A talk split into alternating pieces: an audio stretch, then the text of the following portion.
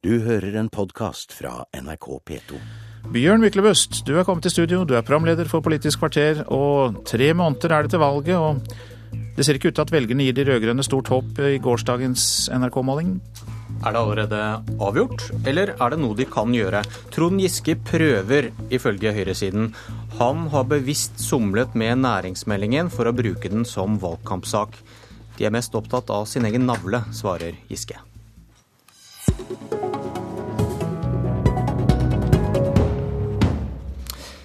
I dag kommer regjeringens næringsmelding. Den hever blikket mot hva vi skal leve av i årene som kommer. Mens du sitter og stirrer på din egen navle, næringstalsmann i Fremskrittspartiet Harald Tom Nesvik. Hvorfor reagerer du på tidspunktet? Nei, altså Fremskrittspartiet har bl.a. I, i flere år etterlyst både en industrimelding og en strategi eh, som Stortinget kan få lov til å behandle eh, for åra som kommer. Eh, til å begynne med så avviste statsråden dette kategorisk. Så har han endra innstilling, det er veldig bra. Eh, så kommer man med ei eh, næringslivsmelding, altså ei breiere og ei brei næringslivsmelding, som er varsla i dag. Problemstillinga er bare det at denne kommer nå så seint at dette Stortinget ikke får anledning til å diskutere. Og da får vi heller ikke anledning Eh, i denne omgangen til å komme med tiltak som nettopp skal bedre situasjonen for norsk næringsliv. Fordi at vi har nå fått et todelt næringsliv. Man har venta for lenge med tiltakene. Og Trond Giske sjøl eh, sørger jo nå for at disse tingene kommer så seint at det kommer etter revidert. Eh, revidert, Der har man lagt inn det som har med skogindustrien og tiltak overfor den, men er en rekke annen industri som virkelig sliter. Men hva har dette med valgkampen å gjøre?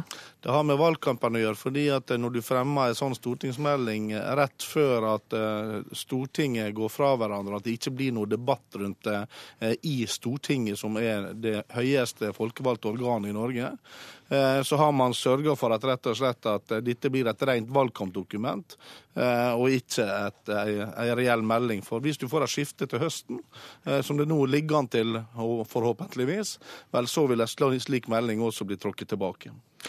Næringsminister Trond Giske, timingen er jo veldig fin da, i forhold til valget? Ja, det er ingenting som er bedre enn at eh, næringspolitikk, eh, strategier for å sørge for at vi har arbeid til alle og fortsatt vekst i Norge med snart 27 millioner arbeidsløse ute i Europa, at det blir en valgkampsak. Det burde alle partier sørge for.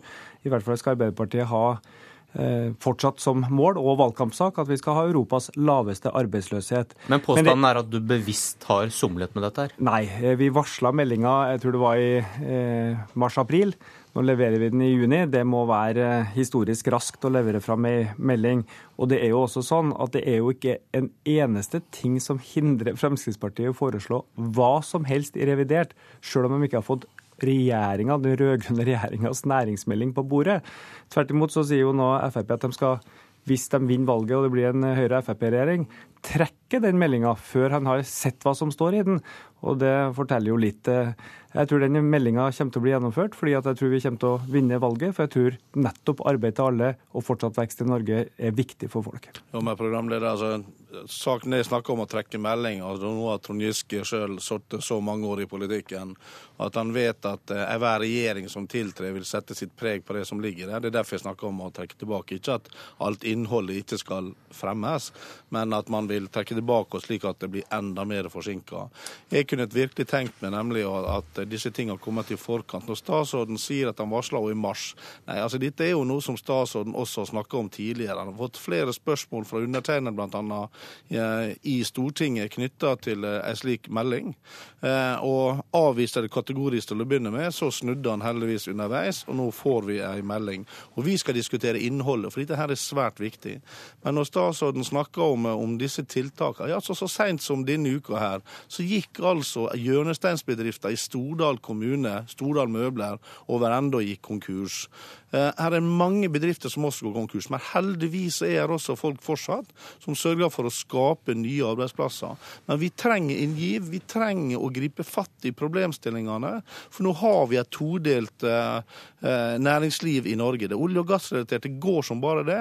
Annen eksportretta industri sliter. Så vi burde kommet med tiltak, vi burde sett på ting som også kunne gjort tilstanden bedre der. Sett på skatte- og avgiftssystemet, sett på det som har med kompetanse å gjøre. Vi mangler tusenvis av ingeniører i Norge, og den økninga som regjeringa har lagt opp til, den er altfor svak. Ok, Hvis vi lar timingen ligge til innholdet, Giske. Hva er det som står i denne meldingen som Nesvik ikke kunne skrevet under på? Ja, For det første så står det jo et helt annet virkelighetsbilde enn det Nesvik beskriver. Siden vi overtok i 2005 er det skapt 350 000 arbeidsplasser i Norge. Det er 130 nye jobber hver eneste dag. To tredeler er privat sektor. 90% er utenfor olje- og gassektoren.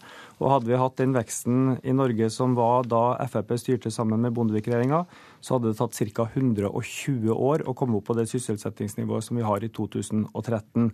Eh, og så, så, så står det en rekke strategier for å fortsette den veksten. Ikke minst skal vi sørge for innovasjon, eh, at vi forenkler, at vi utvikler de næringene som er sterke. Vi tror ikke på Høyres næringsnøytralitet. Vi skal satse på maritim næring, på sjømaten. Eh, vi lanserer noen nye satsingsgrener, bl.a. helse- og velferdsteknologi. Og så sier vi også at vi trenger en solid næringspolitikk i årene framover for de store sysselsetterne i Norge. Bygg og anlegg, varehandel, transport. Eh, slik at vi fortsetter produktivitetsøkninga vår, som er grunnlaget for velferden vår. Og helt til slutt, som da Høyre og Frp krangler om eh, nesten daglig. Vi må ha en ansvarlig økonomisk politikk, sørge for at vi følger handlingsregelen, nettopp slik at møbelfabrikker på Sunnmøre ikke konkurreres ut eh, for sin eksport med høy rente, høye kostnader og eh, høy krone. Hva, hva hadde stått i din næringsmelding Nesvik, som Giske ikke kunne skrevet under på? Nei, først og fremst må vi få lov til å se hva Giske kommer med nå. Men det går bl.a. på det skatte- og avgiftssystemet. Det går på hvilke tiltak man skal treffe i åra som kommer, nettopp for å sørge for å skaffe eh, flere ingeniører, flere, mer kompetanse innenfor arbeidslivet. Når Trond Giske snakker om eh, hvilke arbeidsplasser man har skapt, ja det starta faktisk allerede under Bondevik-regjeringa. Men jeg må også få lov til å si at Trond Giske og hans parti sjøl var da med å sikre Bondevik-regjeringa også gjennom et eh, budsjettforlik.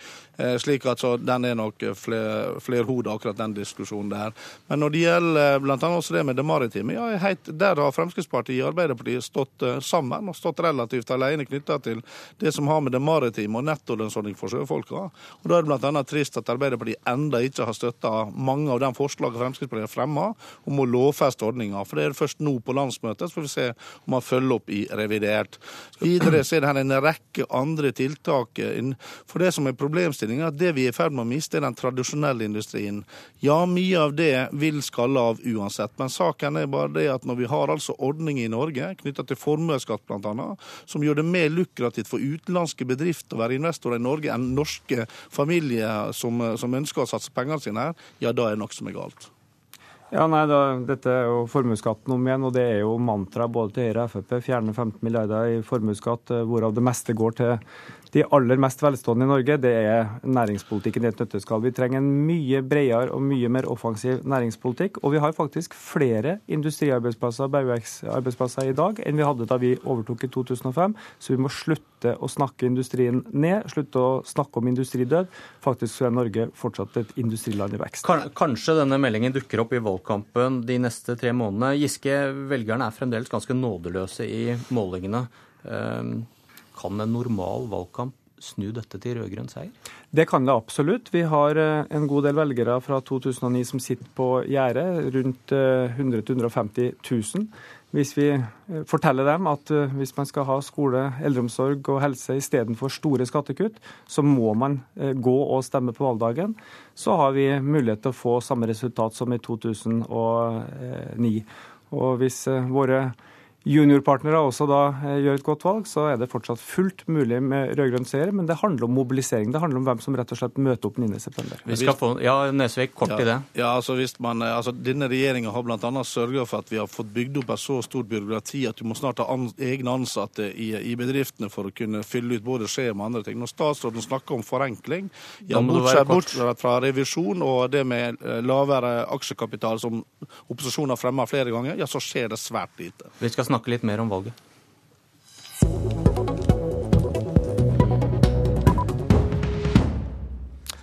Er det kjørt, er spørsmålet. I vår måling i går, borgerlig side hadde fått 103 stortingsmandater, regjeringspartiene 66. Og politisk kommentator i NRK, Trine Eilertsen, kan dette snu?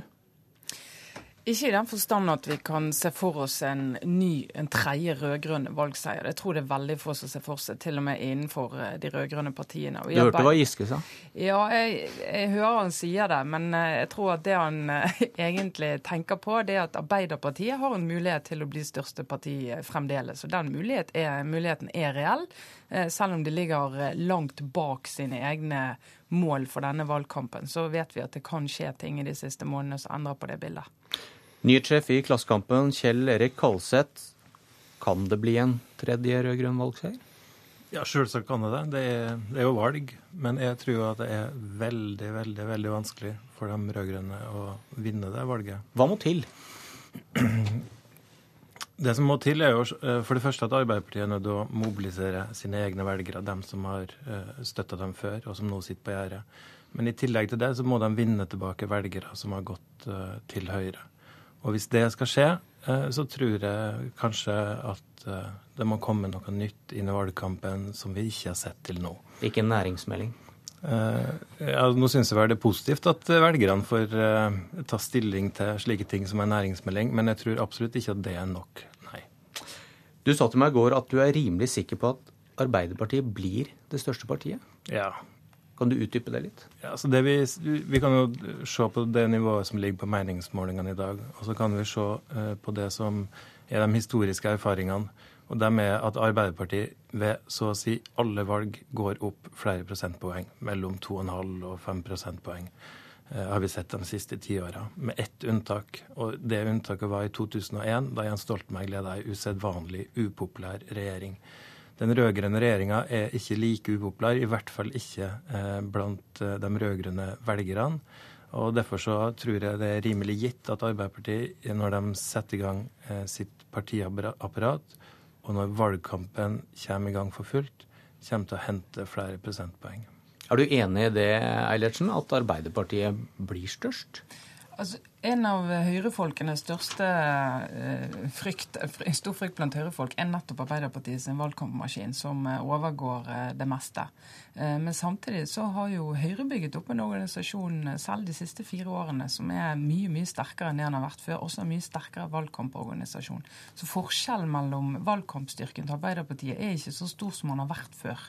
Eh, men det er klart Arbeiderpartiet har en mobiliseringsmulighet, ikke minst gjennom eh, LO, som ingen andre har.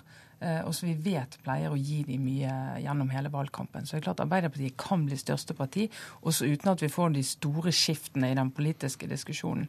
Men også for, for at de skal få det til, så er de nødt til å overbevise en del hundre tusen velgere faktisk om at Norge vil gå i en helt annen retning hvis vi får en ny regjering. Og akkurat nå tror ikke velgerne på det. Men nå sitter kanskje noen og lurer på hvorfor skal vi bry oss hvem som blir største parti? Er det ikke hvilken side som får flertall som er viktig, Kalseth? Jo, jeg tror ikke det har så stor betydning som Men Arbeiderpartiet er veldig opptatt av dette her? Ja, det er knytta prestisje til det. ikke sant? Arbeiderpartiet har eh, i hele etterkrigstida vært det klart største partiet i Norge. Um, Eh, så det er knytta prestisje til det. Men det viktigste er jo hva slags eh, regjering vi får. En annen ting som er viktig med oppslutninga til Arbeiderpartiet, er jo eh, at de må se framover. Og hvis de gjør et godt valg isolert sett, sjøl om Senterpartiet og SV gjør det dårlig, så blir det mye lettere for Arbeiderpartiet å starte kampen om valget om fire år. Hva med Høyre, Eilertsen? Hva, hva tenker de nå? i forhold til eh, dette her? Høyre har hatt eh, god erfaring. De må sitte helt i ro eh, og ikke reagere på utspill, ikke reagere på angrep, og bare formidle sitt budskap jevnt og trutt. Og på den måten heller ikke få opp temperaturen i valgkampen noe særlig. Vel vitende om at for Arbeiderpartiet er det veldig viktig at den temperaturen blir høy, at forskjellene blir veldig markante. Eh, så Høyre de trenger egentlig ikke gjøre så veldig mye annerledes når de ser at målingene er sånn som de er nå. De er veldig stabile. Forbausende få endringer, egentlig. Vi har en vår bak oss der vi har hatt flere saker som kunne ha flyttet velgere. Eh, diskusjonen om Høyres formuesskatt, selskapsskatten, eh, diskusjonen om eh, hvor Norge skal gå. Og statsministeren har skrudd opp temperaturen, men vi har ikke sett de endringene. Takk Trine Eilertsen og Kjell Erik Kalseth fra Klassekampen. Politisk kvarter er slutt, og jeg heter Bjørn Myklebust. Du har hørt en podkast fra NRK P2.